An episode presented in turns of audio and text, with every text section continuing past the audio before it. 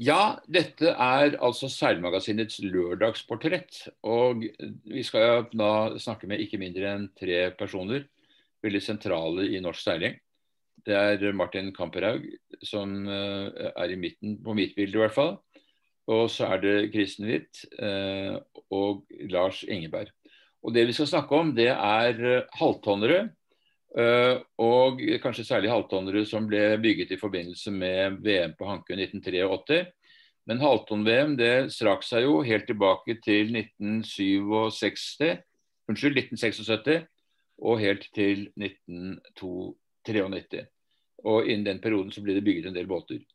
Um, etter at halvtonn-VM da var slutt, i 1993, så var det en lang pause, og de båtene seilte vel ikke så veldig mye. Annet enn de var kanskje med noen uh, respitt-seilaser uh, her og der.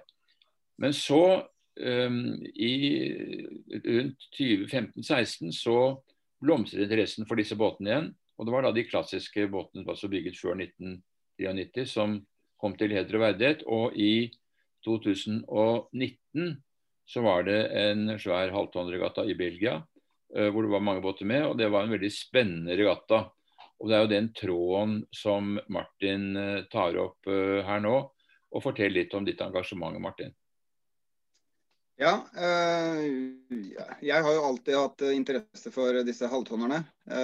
og hatt flere halvtonnere. Seilt relativt aktivt med de. Eh, og så har jeg da fått denne ideen med å eh, kalle det gjenskape eh, VM som var på Hankø 1983. Og ha et 40-årsjubileum 2023. Så det var det hele det her begynte med. Og det er det mange som uh, syns virker interessant. Så jeg har begynt å samle det jeg kan av halvtonnere. Uh, så nå er vi 13 halvtonnere her på Grimsøy. Og seiler uh, hver søndag Eh, vi har laga en eh, Facebook-side, Halfton Class eh, Norway, som vi bruker som ja, kontaktflate. Og har fått mange følgere allerede. Og også fått kontakt med Europa, HTCE, Halfton Class Europe. Som uh, syns det virker veldig spennende med tankene om uh, et reunion-VM i 2023. da. Så det her går uh, over all forventning. Uh, interessen er kjempestor. Og det er jeg veldig glad for. Så...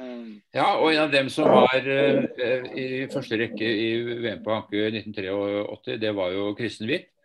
Som hadde bygget sin egen båt, Eivind Amble Design. Så vidt, het den. Og den uh, Det var jo egentlig et eh, feil navn, for det var ikke bare så vidt. Det gikk jo som bare det. Hva syns du om dette initiativet, Kristen? Nei, Det er jo veldig artig at Martin setter i gang. Eh, det er jo litt sånn, Jeg tenker jo hele tiden forover, og dette er jo å tenke litt bakover. Eh, men eh, det, eh, vi hadde det utrolig gøy. Det var jo en det var, jo, det var jo en sånn ordentlig endring av havseiling i Norge. Jeg tror Inferner sa til meg på Hanke at nå ødelegger dere seilsporten. Eller det er jo Det ble en veldig stor endring. Eh, så jeg tror det er fint at Martin eh, hever det og, og belyser det og trekker frem de båtene. Ja, Det var vel 30 båter og vel så det med i uttagningen til VM den gangen, fordi at det var ikke alle som kunne være med. Så, så det var så stor interesse at det faktisk var eh, flere båter enn det var plass til i mesterskapet. Ja, det var en knallhard uttagning i pinsen var det vel, eller noe sånt nå, med forferdelig mye vind, husker jeg. Ja. Og det gikk jo ganske bra også for uh, Norge, særlig for uh, kong Harald. Uh, som, eller da var det kronprins Harald, da, men med en, også med en amblebåt. Så ble han nummer fire. Mm. Vant flere av baneseilasene på Hanke, men hadde litt problemer med å henge med på sjøen i forhold til de franske båtene.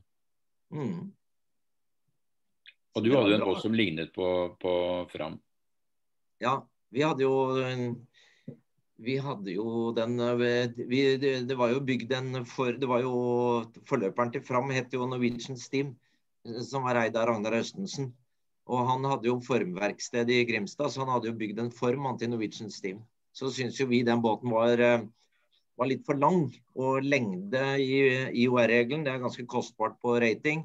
Så vi tok jo og støpte i formen til, Ragnar. Og så delte vi båten i to, korta den inn 30 cm og satte på mer seil.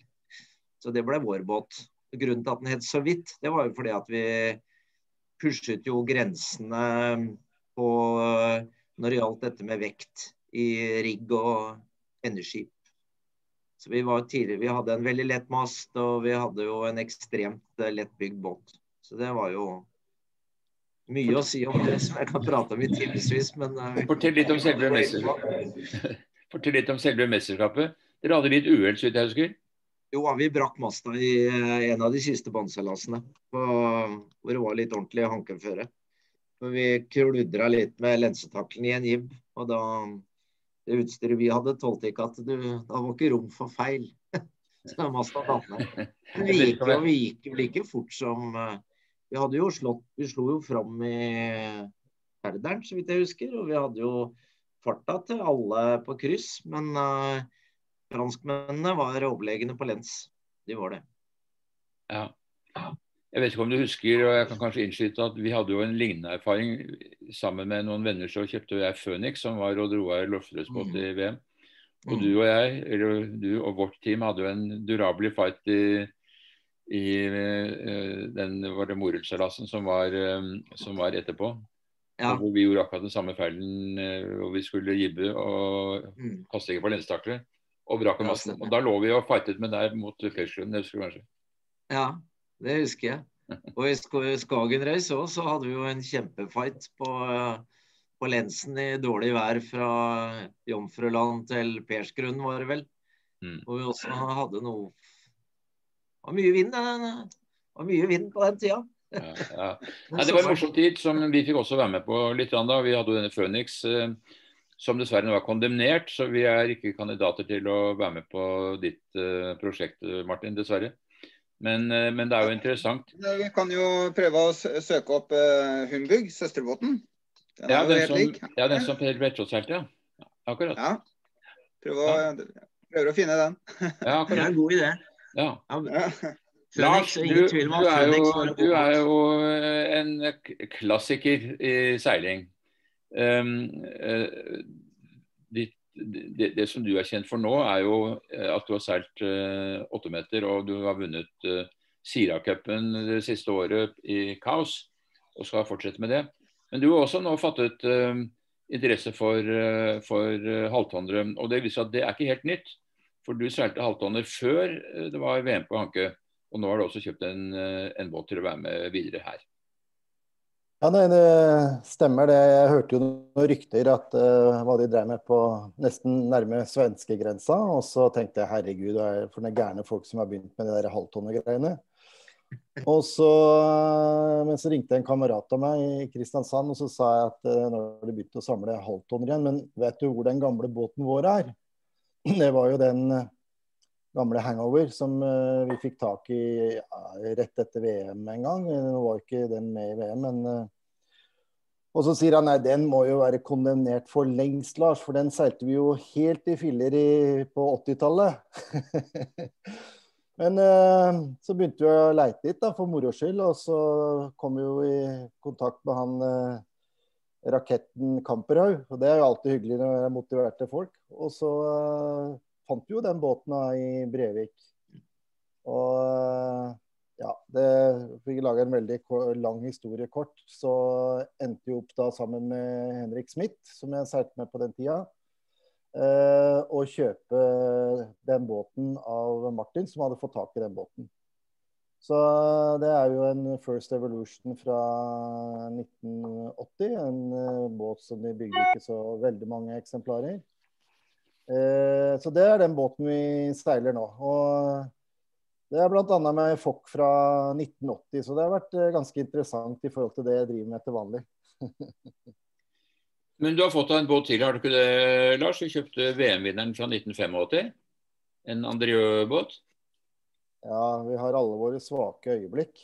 Så eh, det var jo også en båt som eh, Martin hadde i utgangspunktet funnet. Som eh, Og det er liksom ikke Det her er for oss. Det er å supporte Martin med det han driver med. Jeg kjører jo åtte-ni timer i hvert fall annenhver søndag for å seile en time eller to nede der. Eh, og jeg syns det er et fantastisk initiativ.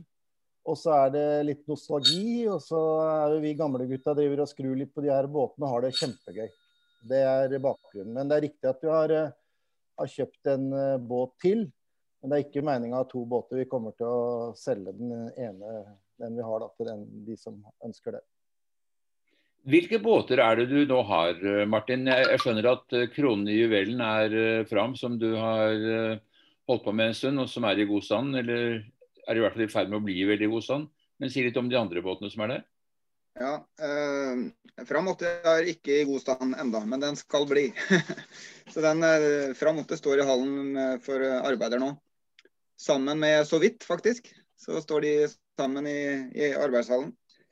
Eh, så det er de to. Eh, vi har fått tak i Odins ravn, som vi ønsker å finne noen som kan uh, ta tak i. Eh, også en annen Nessi Nessie 94 GP som heter Namu. Den har kommet hit. Så har vi en Banner halvtonner. Og så har vi da båten til uh, Lars og Henrik Smith. Eh, denne First 30 Evolution.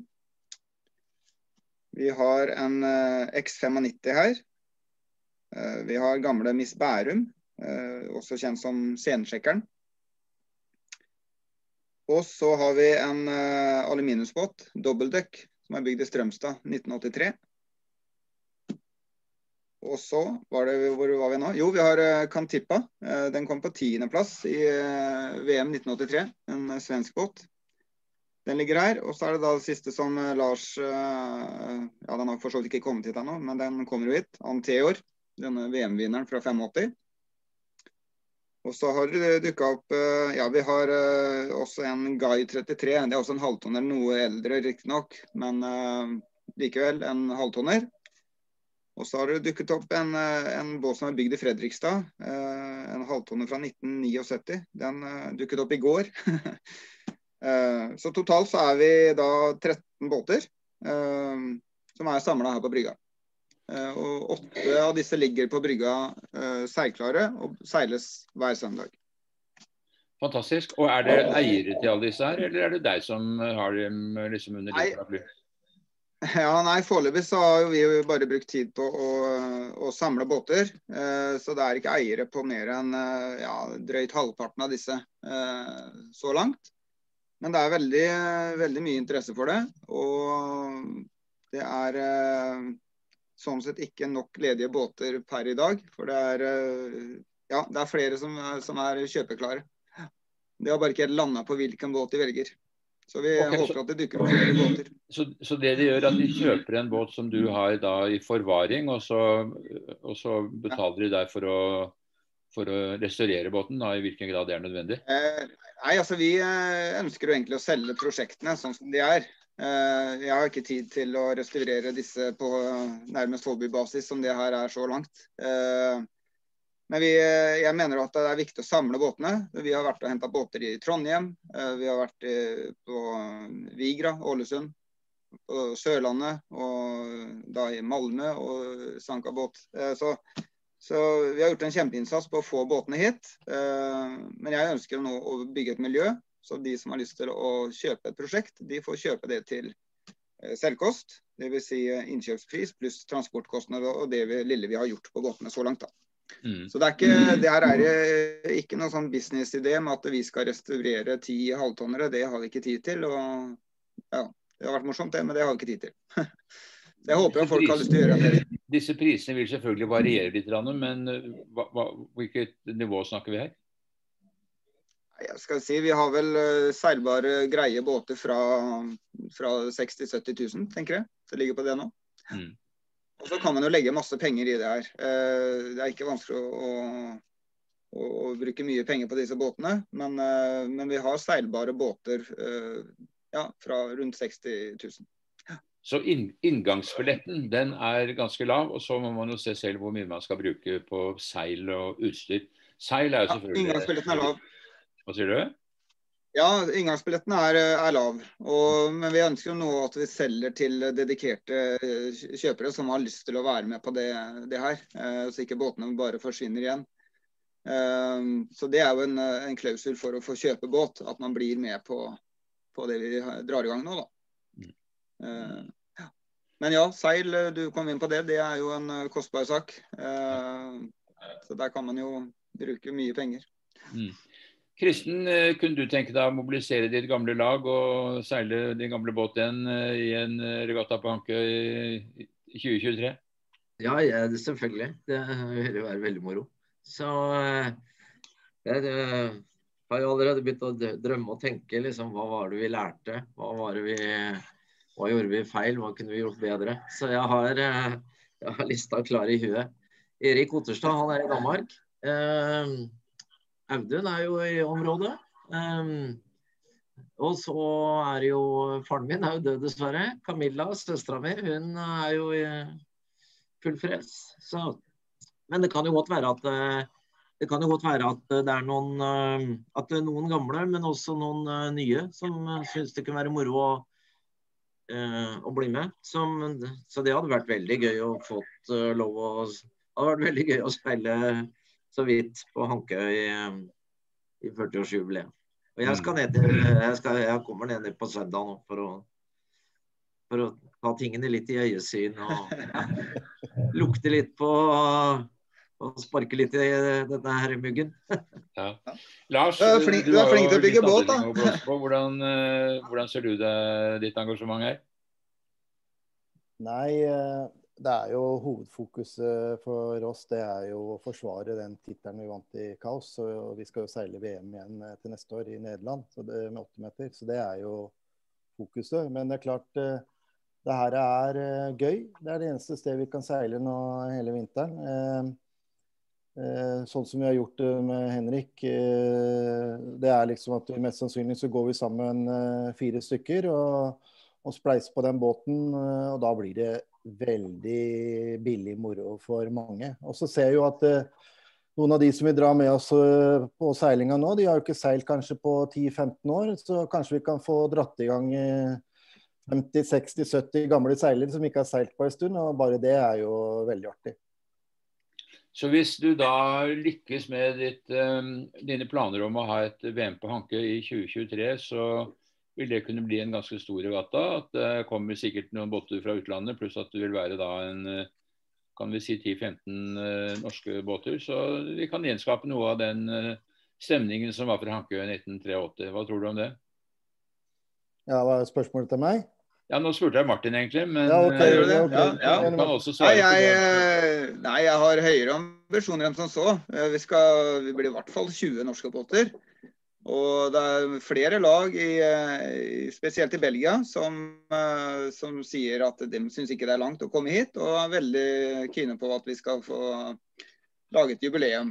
Og, så, så det her blir eh, realitet, det. Og eh, ja, jeg tror at eh, 20 norske båter eh, er eh, veldig realistisk. Og hvor mange vi kan dra fra utlandet, det vet ikke jeg. Men eh, jeg, vet at det er flere lag som er veldig interessert i å, komme.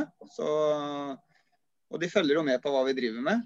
Eh, så jeg er i dialog med, med av de da, som er eh, sentrale i Halfton Class Europe om det her.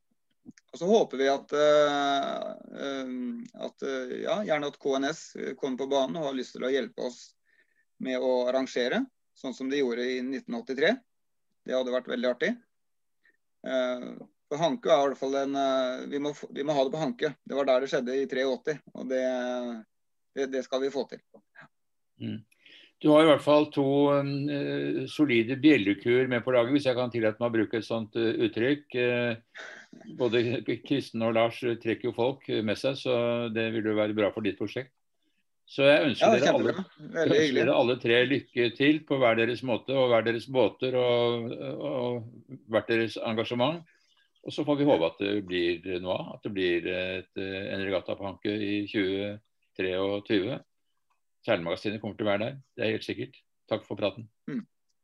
Takk skal du ha. I like Ha måte. det. Ha det. Hei, hei.